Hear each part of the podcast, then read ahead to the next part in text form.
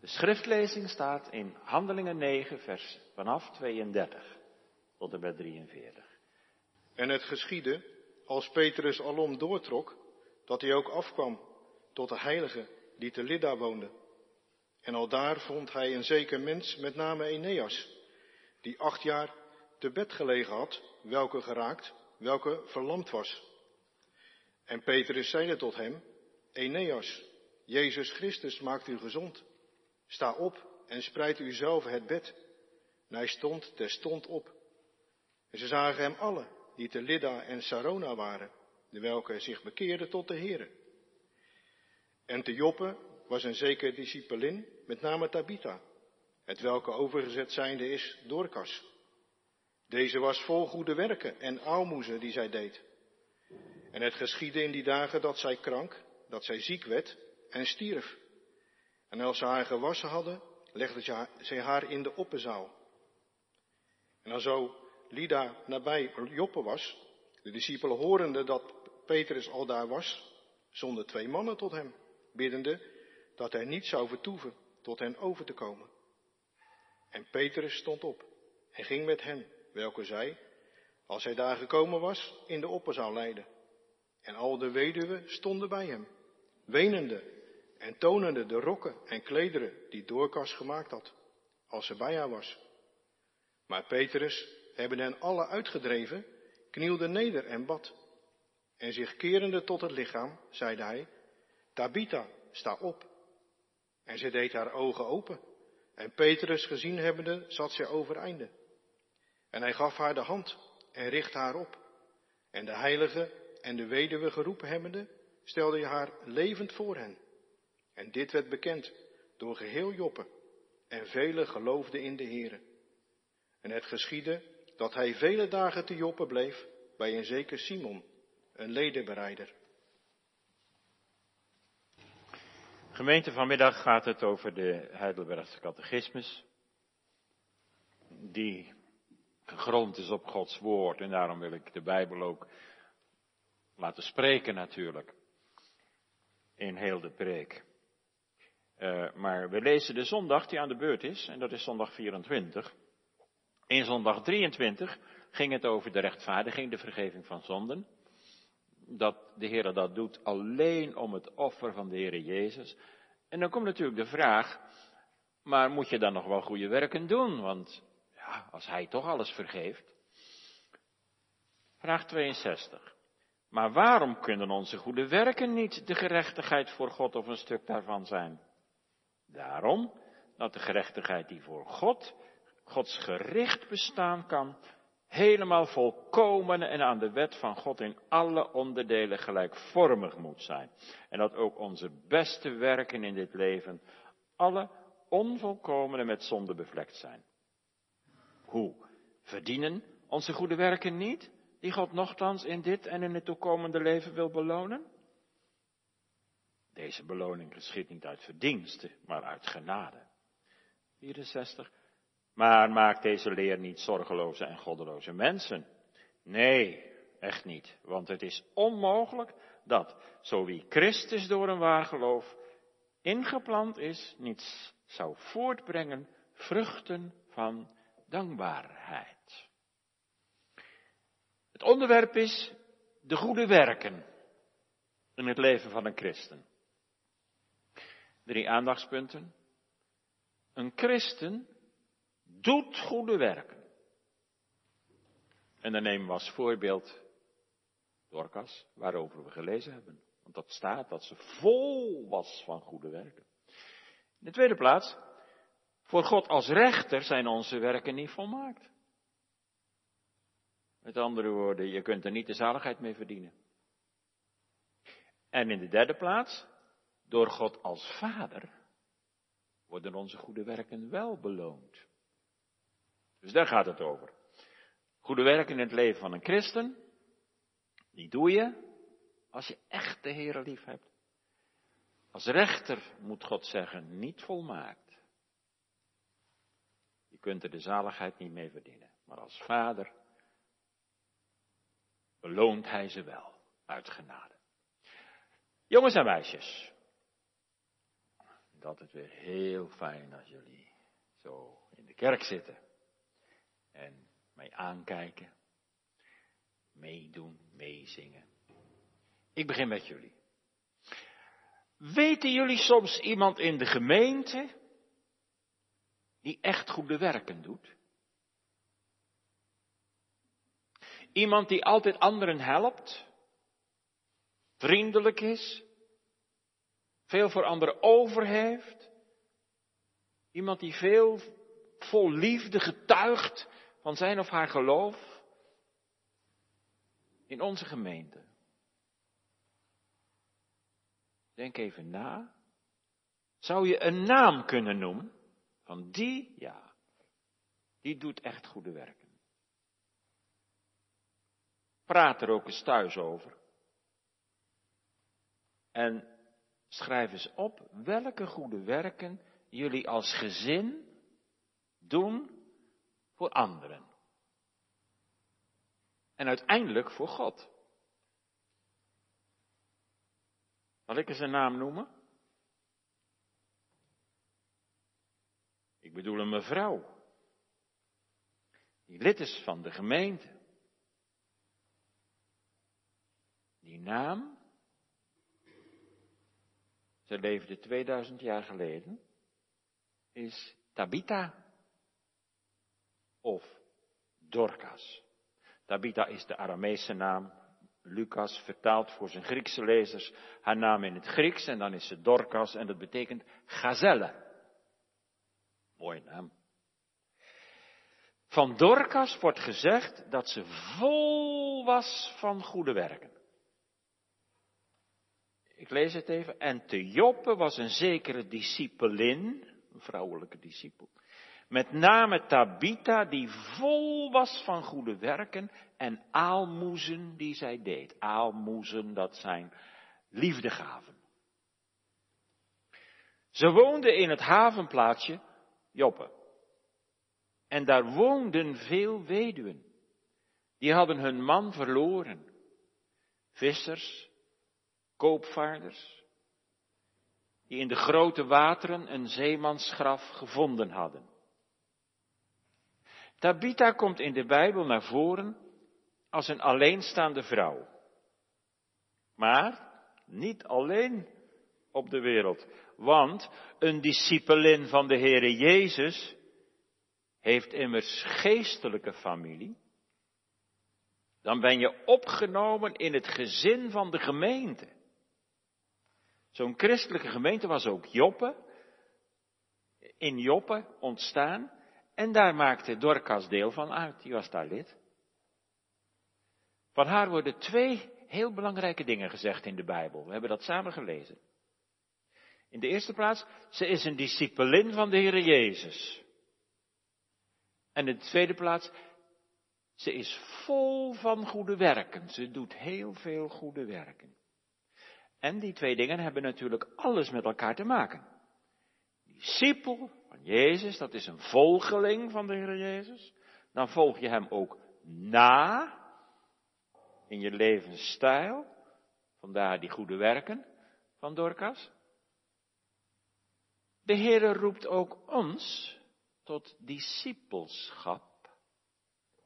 Iemand, een, een jongen of een meisje wat beleidenis doet, die zegt daar eigenlijk ja op. Ik wil een discipel zijn van de Heer Jezus. De Heer wil door zijn Heilige Geest in onze harten die keuze werken. Zodat we buigen voor Hem en heel veel wat de Heer verdriet aandoet loslaten. Dan zien we dat we in onszelf een zondaar zijn. Maar we willen de Heere volgen omdat Hij zo goed is en zo groot. En we willen in Hem geloven en de Heere dienen. Door de overmachtige genade van de Heilige Geest gebeurt dat ook. Er staat zelfs in de Bijbel, dode zondaars worden levend. Geestelijk dode zondaars die niks om God geven, die worden levend. Die gaan God zien en dienen en die willen bij de gemeente horen en die willen voor God gaan leven. Wedergeboren. heet dat. Wedergeboren tot een levende hoop. Deze geschiedenis van Dorcas roept ons allemaal op tot discipelschap. Voor het eerst, of voor de zoveelste keer, als je al een discipel van hem bent. Om het te blijven en om te volharden. Mag jij door genade zeggen dat je een discipel of een discipelin van de Heer Jezus bent? En als je zegt in je hart, ja, dan is de vraag, wat betekent dat discipelschap heel concreet in jouw omgang met de Heer? Wat betekent het in je dagelijkse leven? In wat je wel doet en niet doet en welke keuzes je maakt? Dorcas moet wel heel dicht bij de Heer geleefd hebben. Want alleen dan draag je zulke prachtige vruchten als zij in haar leven. Dan wordt God de Vader daarin verheerlijkt. En dan blijkt je geloof uit je leven, uit dat discipelschap, uit het volgen van de Heer Jezus. Daarom staat er, Dorcas was vol van goede werken. Ze deed veel goede werken. En aalmoezen. Dat woord is een beetje uit de tijd, hoewel in het leger heb je nog steeds de aalmoezenier. Maar aalmoezen betekent liefdegaven. Stoffelijke ondersteuningen aan mensen die wat nodig hebben. Dat wil trouwens niet zeggen dat Dorcas een rijke vrouw was. Dat staat er helemaal niet. Ze was wel een hart met, een vrouw met een hart vol. Of liever, een vol hart. Want ze was vol ontferming naar andere mensen toe. Vanuit de barmhartigheid van Christus, die hij haar bewezen had. Dat was het stille geheim achter haar leven, achter haar barmhartigheid, die zij bewees aan andere mensen. Hier zie je zo duidelijk wat vraag en antwoord 64 van de catechismus ons leren. De leer van de goede werken maakt ons niet zorgeloos of goddeloos. Is toch onmogelijk. Als je echt de Heere lief hebt en de Heere Jezus dient en volgt, dat je dan geen ware vruchten van dankbaarheid zou voortbrengen, dat is onvoorstelbaar. Je werkt niet om loon, maar uit liefde. Onze liefde tot God zal heel simpel blijken in onze liefde tot de naaste. Hoe moet je het anders laten zien? Dorcas is een levende brief van Christus. En je kan zeggen, een actieve christin. Die haar goede werken niet deed om daarmee de hemel te verdienen. Maar uit wederliefde tot God. Haar goede werken, die ze deed, waren vruchten, gevolgen van haar geloof in de Heer Jezus. Die aalmoezen, die liefde gaven, die bewezen de oprechtheid van haar geloof. Er staat een tekst in de gelaten brief. Het geloof is door de liefde werkende. In de liefde blijkt je geloof. We letten even op de volgorde bij Dorcas. Eerst wordt Dorcas discipelschap genoemd. En daarna worden, worden haar goede werken genoemd. Dat betekent, het geloof in de Heer Jezus is de bron van haar dienende liefde. Jezus zelf kwam ook niet op aarde om gediend te worden, maar om zelf te dienen. En zoals het leven van Dorcas een en al liefde betoont. Met een heel spontaan karakter. Zoals een levende brief van Christus. Wat zijn zulke mensen een zegen in de gemeente. Begenadigde mensen. Die niet alleen maar in een opwelling na een preek die ze heeft aangesproken, barmhartigheid bewijzen, maar die een voortdurende liefdeshouding hebben tot de Heer en tot hun naaste. Maar eerst tot God die hen eerst heeft liefgehad. Er is geen rijker leven op aarde te vinden dan zo'n leven dicht bij de Heer, vanuit de liefde van Christus. En daarom ook indienende liefde naar iemand anders toe, je naaste. Dorcas liet haar liefde uitgaan naar de weduwen in het dorp Joppe. Wat is dat erg om weduwe te zijn? Je man te moeten missen, die zo'n grote steun voor je betekende. Alleen staan in de opvoeding van de kinderen. Wat een levensleed stempelt je leven dan. Als je soms, als u weduwe bent of weduwnaar of gescheiden, met alle verdriet wat daarbij hoort, dan kan ik alleen maar zeggen, hoop op God, want die laat niemand vallen. Hij wil uw man en, je en de vader van je kinderen zijn. Weduwen en weduwnaars vallen onder Gods bijzondere zorg. En daar moeten wij als gemeente ook naar omzien. Jacobus zegt, de ware godsdienst bestaat in het bezoeken van weduwen en wezen. Zo belangrijk is dat, die zorg. Maar hier is iemand die ook zorgt voor de weduwen. Naar de woningen van die weduwen in Joppe, waar geen kostwinder was, ging de ontferming van Dorcas uit.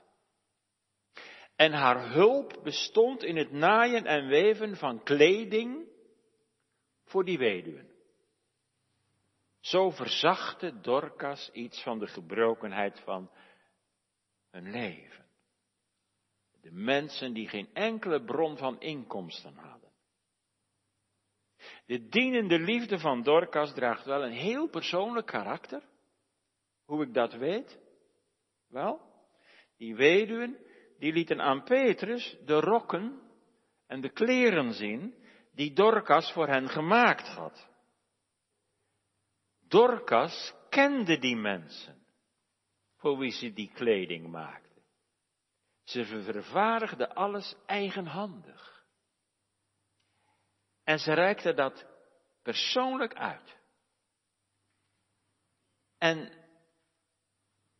voor iemand die klein was, had ze een kleiner kledingstuk. En voor iemand die groot was, had ze een groter kledingstuk. Het staat zo mooi in die kleurplaat. Misschien hebben jullie geen tijd meer vanavond om die te kleuren, maar die kleurplaat van Dorcas, daar staat zo mooi, dan heeft ze een centimeter in de hand. En dan meet ze een, een jongen of een meisje om daar de kleding voor te maken. Dus zo persoonlijk. Dagenlang zat Tabitha gebogen over haar naaigoed. En als ze dan later die blijde gezichten zag, dan was al haar moeite beloond. Wat kunnen wij voor, veel voor elkaar betekenen? In allerlei omstandigheden, ook van rouw en verdriet en gemis en coronacrisis. Sterfgevallen, ziekte, de gevolgen van de corona. Je energie mist, dat je je smaak nog niet eens hebt. En u weet het allemaal wel, wat ermee te maken heeft. Wie het zelf heeft moeten meemaken, die kan voor een ander in dezelfde omstandigheden een hele goede hulp zijn. Gelegenheden om anderen te dienen, kom je iedere dag tegen. In de Eefse brief staat dat God onze goede werken voorbereid heeft. Dat betekent dat Hij ons in situaties laat komen dat we een hele goede kans hebben om een goed werk te doen, om iemand te helpen, om iets voor iemand anders te betekenen. En dan moet je een keus maken. Je doet het, of je laat het na. En daar ben je zelf verantwoordelijk voor. Zoekt u eens concreet iemand in uw omgeving die u kunt helpen en voer de opdracht van de liefde uit. Je kunt een deel van je tijd ter beschikking stellen. Als je een beetje creatief bent, dan is er genoeg te bedenken waar je anderen mee helpen kunt. Gelegenheden te over. Dat doe je niet om daar iets mee te verdienen. Of om te denken, nou dan vindt die persoon die ik help, die vindt mij altijd heel aardig. Nee. Je doet het om, niet om te verdienen, maar om te dienen. Om de Heer te dienen en je naaste te dienen en je liefde te uiten. En dan zegt de Heer Jezus, voor zoveel je dat een van mijn minste broeders gedaan hebt, voor een van mijn minste broeders, zo heb je dat voor mij gedaan. Dat is diep. Zo heb je dat voor mij gedaan. Het doel van de goede werken is dus opdat uw Vader die in de hemelen is verheerlijkt zal worden. En niet om voor God een stukje gerechtigheid aan te brengen. Dat laatste, dat dachten en deden de fariseeën. En die leer is vandaag ook nog springlevend. Je moet netjes leven, je moet ieder het zijne geven, je moet de, de boel niet bedriegen en dan komt het heus wel goed. Anderen denken, je moet je best doen, christelijk leven, en dan vult de Heer Jezus wel aan wat wij tekort komen. Vraag het eens aan mensen die in de zorg werken. En soms ook in terminale zorg, waar mensen hun houvast in kunnen proberen te vinden. Als het sterven wordt, als je die kans krijgt om te praten met elkaar, als het sterven wordt, hoe, hoe zou dat dan zijn? Ach, ik, uh, ik heb altijd netjes geleefd. En ik heb geen vlieg kwaad gedaan. En ik, uh, best gedaan. Ik, ik heb nooit iemand bedrogen. En ik denk, als God er echt is, dan komt het wel goed. Dan zal hij mij wel accepteren. Zo denken veel mensen. Niet christelijke mensen. Soms ook wel mensen die de Bijbel hebben. Er zijn ook wel kinderen van God die op dit punt in verwarring raken onbewust en ongewild, als je vraagt, kunt u sterven? Dat is natuurlijk een hele vraag. Dat, dat doe je niet op het eerste beste moment. Maar als je een relatie met elkaar hebt, mag je toch zo'n vraag stellen. Want met elkaar ben je verantwoordelijk, ook voor elkaar. Kunt u sterven? Dan kijk eens naar hun eigen leven en de vruchten van hun geloof om daar heimelijk op te steunen. En dan raken ze helemaal in verwarring. De vrede met God en de rust om de dood in de ogen te zien, is immers verbonden met het zien door het geloof op de volkomen gerechtigheid van de Heer Jezus die Hij heeft aangebracht. Genoegdoening, gerechtigheid, zo, die termen zijn gebruikt in zondag 23. En als het gaat over de vraag of je voor God kunt bestaan, is er maar één grond, gemeente, jongens en meisjes. Eén grond. En dat is het offer van Christus dat hij aan het kruis heeft volbracht. Het kan niet anders. Dat zou wel gemogen hebben, want God heeft zijn wet gegeven en heeft gezegd, Doe dat en gij zult leven. Maar wie kan dat volmaakt? Dan moet je ook een volmaakt hart hebben. Voor God als rechter komen al onze werken tekort. Dan kunnen we de zaligheid niet verdienen. Dat is de bedoeling ook helemaal niet. Want het is de vrucht van je geloof. En dat brengt ons op onze tweede gedachte. Ieder christen doet goede werken. Maar, en daar gaat het nu even over, voor God als rechter schieten ze helemaal tekort. Met andere woorden, in ieder geval kun je er de zaligheid niet mee verdienen. Ook niet een klein beetje. Dat staat in 63. Hoe? Verdienen onze goede werken niet? Die God nogthans in dit en in het toekomende leven wil belonen? God vergeeft de schuld en de zonde en hij schenkt voldoening, gerechtigheid, de heiligheid van Christus. Dat is de inhoud van zondag 23 over de rechtvaardiging. Daar gaat het over wat God doet. En nu, in zondag 24, gaat het over de heiliging, heiligmaking, goede werken. Nu gaat het over wat wij doen. Door Gods genade. De heiliging werkt, werkt door in het leven van een christen. Door de kracht van Jezus bloed wordt de macht van de zonde gebroken en door de kracht van de Heilige Geest wordt niet alleen je hart, maar ook je leven en je levensverrichting en je levensstijl vernieuwd. Dat is een enorme strijd. Om hoe langer, hoe meer aan de Heer Jezus gelijkvormig te worden. Daarom schrijft Paulus aan Timotheus, Timotheus, strijd de goede strijd van het geloof. Als je vrijgemaakt bent van de macht die de zonde over je had, wil je er niet meer aan toegeven. En gelukkig hoef je die strijd tegen de werken van het vlees niet in eigen kracht te voeren. Elke dag mogen we onze zondige neigingen bij het kruis van de Heer Jezus brengen.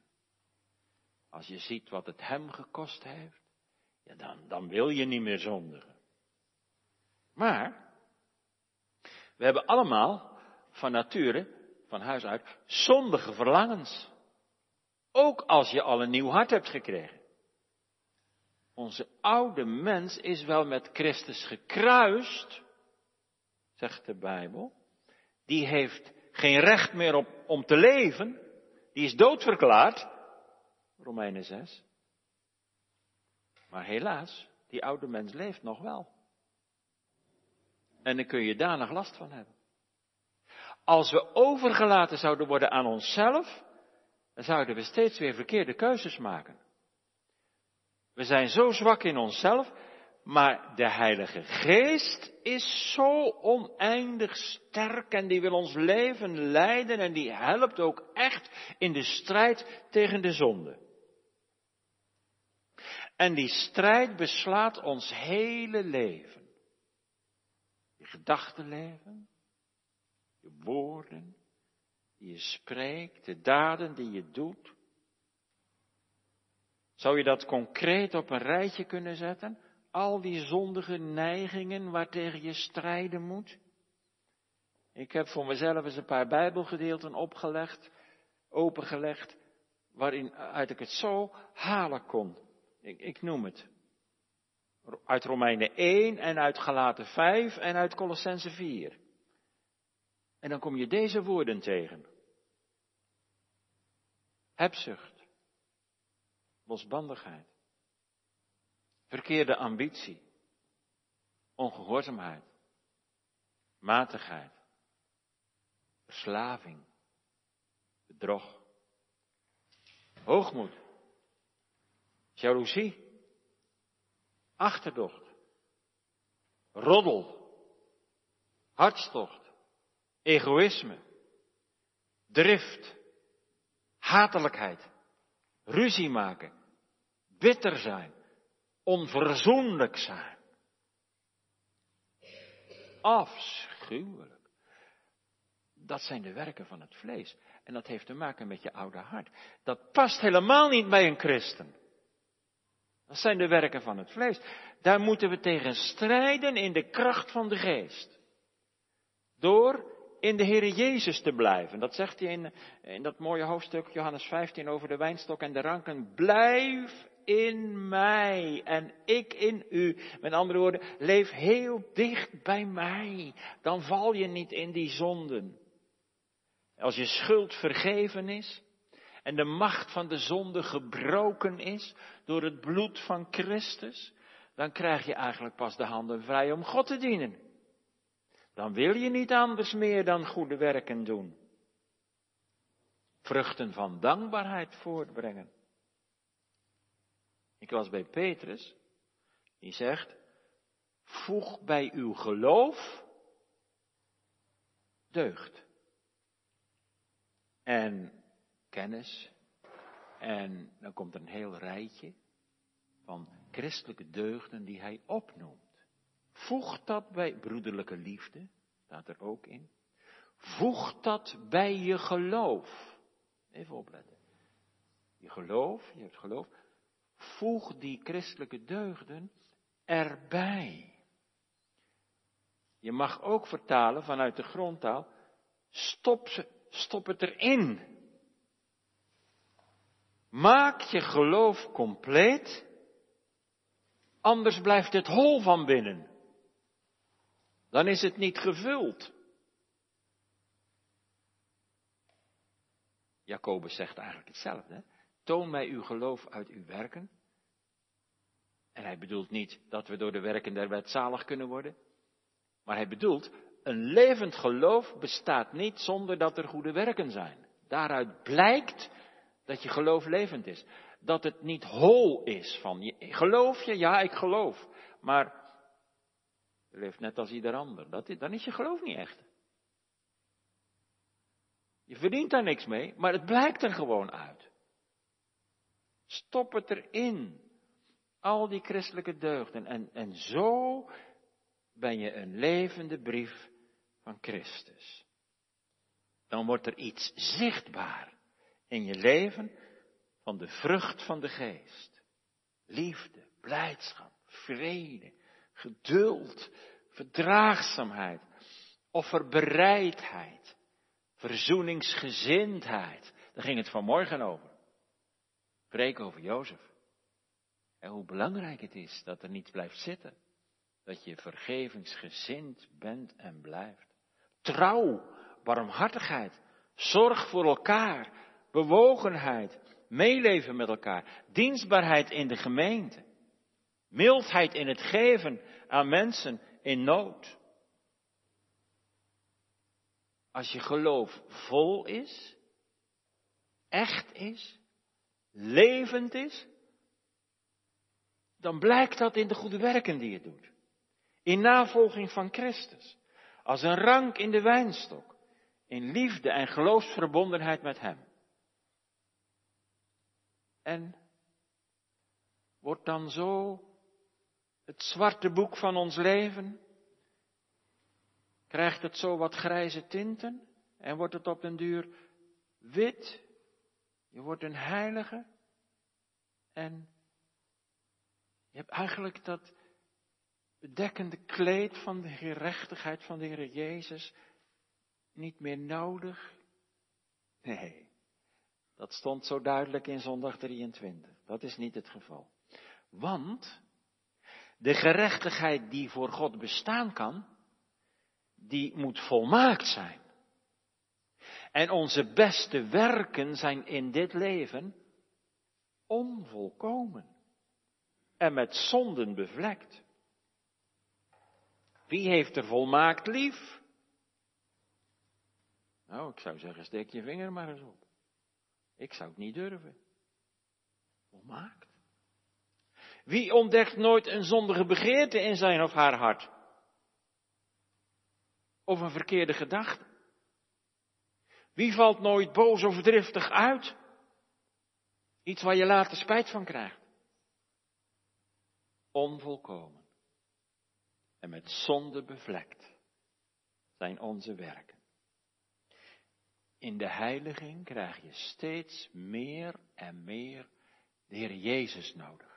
Zijn voorbeeld, zijn volmaakte offer, zijn vergeving, Zijn offer, zijn genoegdoening, zijn gerechtigheid, zijn heiligheid. We hebben het witte kleed van Christus gerechtigheid blijvend nodig, heel ons leven lang. Je mag het blijven zingen.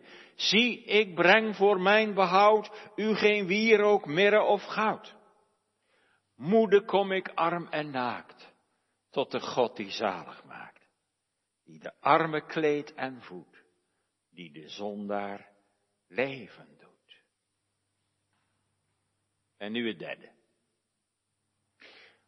Waarom doe je goede werken? Omdat God het beloont? Nee. Dat niet. Denk maar aan Matthäus 25. Daar zegt de Heer Jezus in het oordeel wat er dan allemaal blijken zal. En dan zegt hij, um, ik ben hongerig geweest en je hebt me te eten gegeven. Ik ben dorstig geweest en je hebt me te drinken gegeven. Ik was naakt en je hebt me gekleed. Ik was in de gevangenis en je hebt me bezocht. En heel die rij. En dat zijn goede werken. En dan, dan zullen degenen die dat aanhoren zeggen, heren, maar weet ik helemaal niet meer. Wanneer heb ik dat dan gedaan? Ze hebben dat niet opgeschreven. Ze hebben daar geen lijst van gemaakt van dit heb ik allemaal gedaan en dat en dat en dat. hebben ze ongemerkt gedaan. Ja, dat, dat, dat, dat, dat ging vanzelf.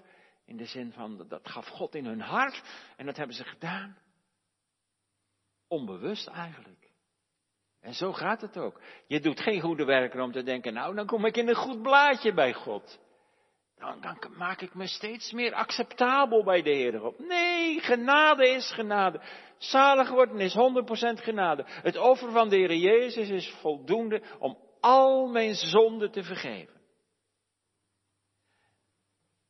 Maar de Bijbel leert inderdaad dat God het kwade straft en het goede beloont. In het Oude Testament, God zegt tegen Abraham, ik ben uw schild en uw loon. Zeer groot. Boas zegt tegen Rut, uw loon zij volkomen van de Heer, onder wiens vleugels je toevlucht genomen hebt. En in Psalm 19 staat, hij die op God betrouwt, zijn wetten onderhoudt, vindt daarin grote loon. Het altijd de moeite om de Heere te dienen. Nieuw Testament van hetzelfde laken en pak. Cornelius krijgt te horen, uw gebeden en aalmoezen zijn tot gedachtenis opgeklommen voor God. Trouwens, Mozes staat ook in het Nieuwe Testament in de Hebreeënbrief. Mozes zag op de vergelding des loons toen hij koos om met het volk van God kwalijk behandeld te worden. En de Heer Jezus zegt, als je een maaltijd geeft aan de armen, die niets terug kunnen geven, het zal u vergolden worden in de opstanding van de rechtvaardigen. Uw loon zal groot zijn in de hemelen. Dat staat allemaal in de Bijbel. Deze gedachte aan loon gebruikt de Heer gewoon als een prikkel, als een stimulans om het goede te doen. En dat is hem aangenaam, dat wil hij. Dat snappen onze jongens en meisjes ook. Natuurlijk, je doet wel eens een karweitje voor papa of mama. Boodschappen doen, gras maaien, auto wassen, de ramen zemen. En dat is heel gewoon. Daar krijg je toch geen salaris voor. Een appeltaart bakken? Hmm. Ik ruik het bijna. Toch krijg je er wel eens iets voor. Uh, bijvoorbeeld een kaartje voor het zwembad of een ijsje als het zomers warm is of een paar euro. Of... Heb je dat echt verdiend? Nee. Dat doe je gewoon voor je ouders, omdat zij je ouders zijn, omdat zij zoveel voor jou doen. Maar waarom krijg je dan toch een soort beloning? Nou, zo laten ze merken dat ze daar blij mee zijn, dat ze dat fijn vinden. En het is een aanmoediging om nog eens een keer een klusje te doen. Je had er geen recht op en toch krijg je iets. Geen verdienste, maar genadeloon. En wat zou jij nu voor de Heer kunnen doen? Wil je dat? Zijn er jongens en meisjes die graag iets voor de Heer doen? Paulien? Je hebt een zo'n mooi versje gezongen en aan mij opgestuurd. En ik heb dat samen met mijn vrouw beluisterd. En dat was zo mooi en zo vertroostend. Dat hoort er ook bij. Dat je iets doet wat de Heere graag wil. Maar er zijn ook hele gewone dingen. Over hem vertellen. Aan je vriendjes, over je vriendinnetjes. Je moeder heeft griep en jij pakt de stofzuiger en je helpt met het huis schoon te maken. Straks begint hopelijk de school weer. Oh, daar bidden we toch voor. Maar ja, we moeten ons onderwerpen aan de regering en dat is maar goed ook. We moeten doen wat goed is. Dus misschien duurt het nog even voor onze kinderen naar school gaan. Maar als je dan ziet dat een meisje op het plein wordt gepest, dan doe je niet mee. Maar je gaat naar die pesters toe. En je zegt, hoe durf je dat? Waar heeft dat kind het aan verdiend? Dat is gemeen. Dat is een goed werk, daar doe je iets goeds mee. Waarom? Omdat de Heer het goed vindt. En zo kun je zelf ook allemaal nog wel iets bedenken. Wat de Heere wil en waar anderen goed mee zijn. God beloont goede werken. In dit leven al.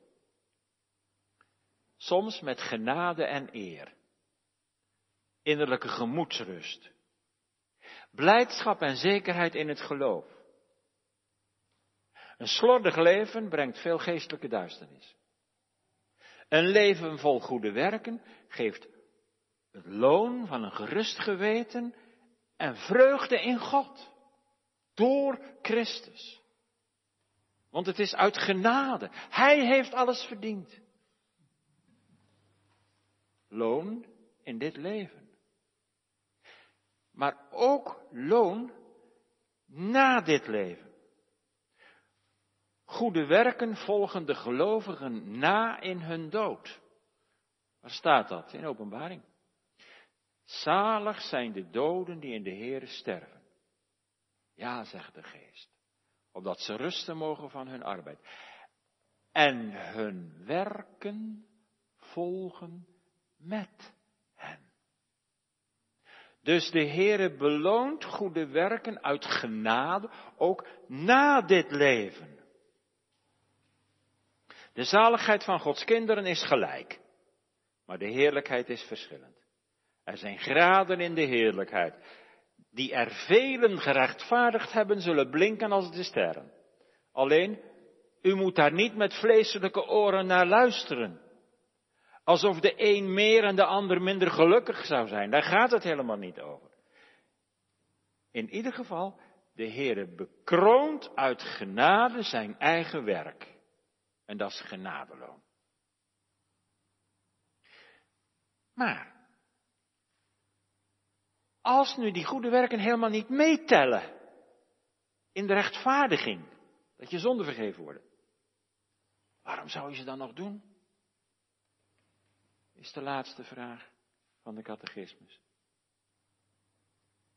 Als nu 100% genade is, dan, dan maakt het toch niet uit hoe je leeft? Nee, nee, antwoord 64. Maakt deze leer geen zorgeloze en goddeloze mensen? Nee. Want het is onmogelijk dat zo wie Christus door een waar geloof is ingeplant, niet zou voortbrengen vruchten van dankbaarheid.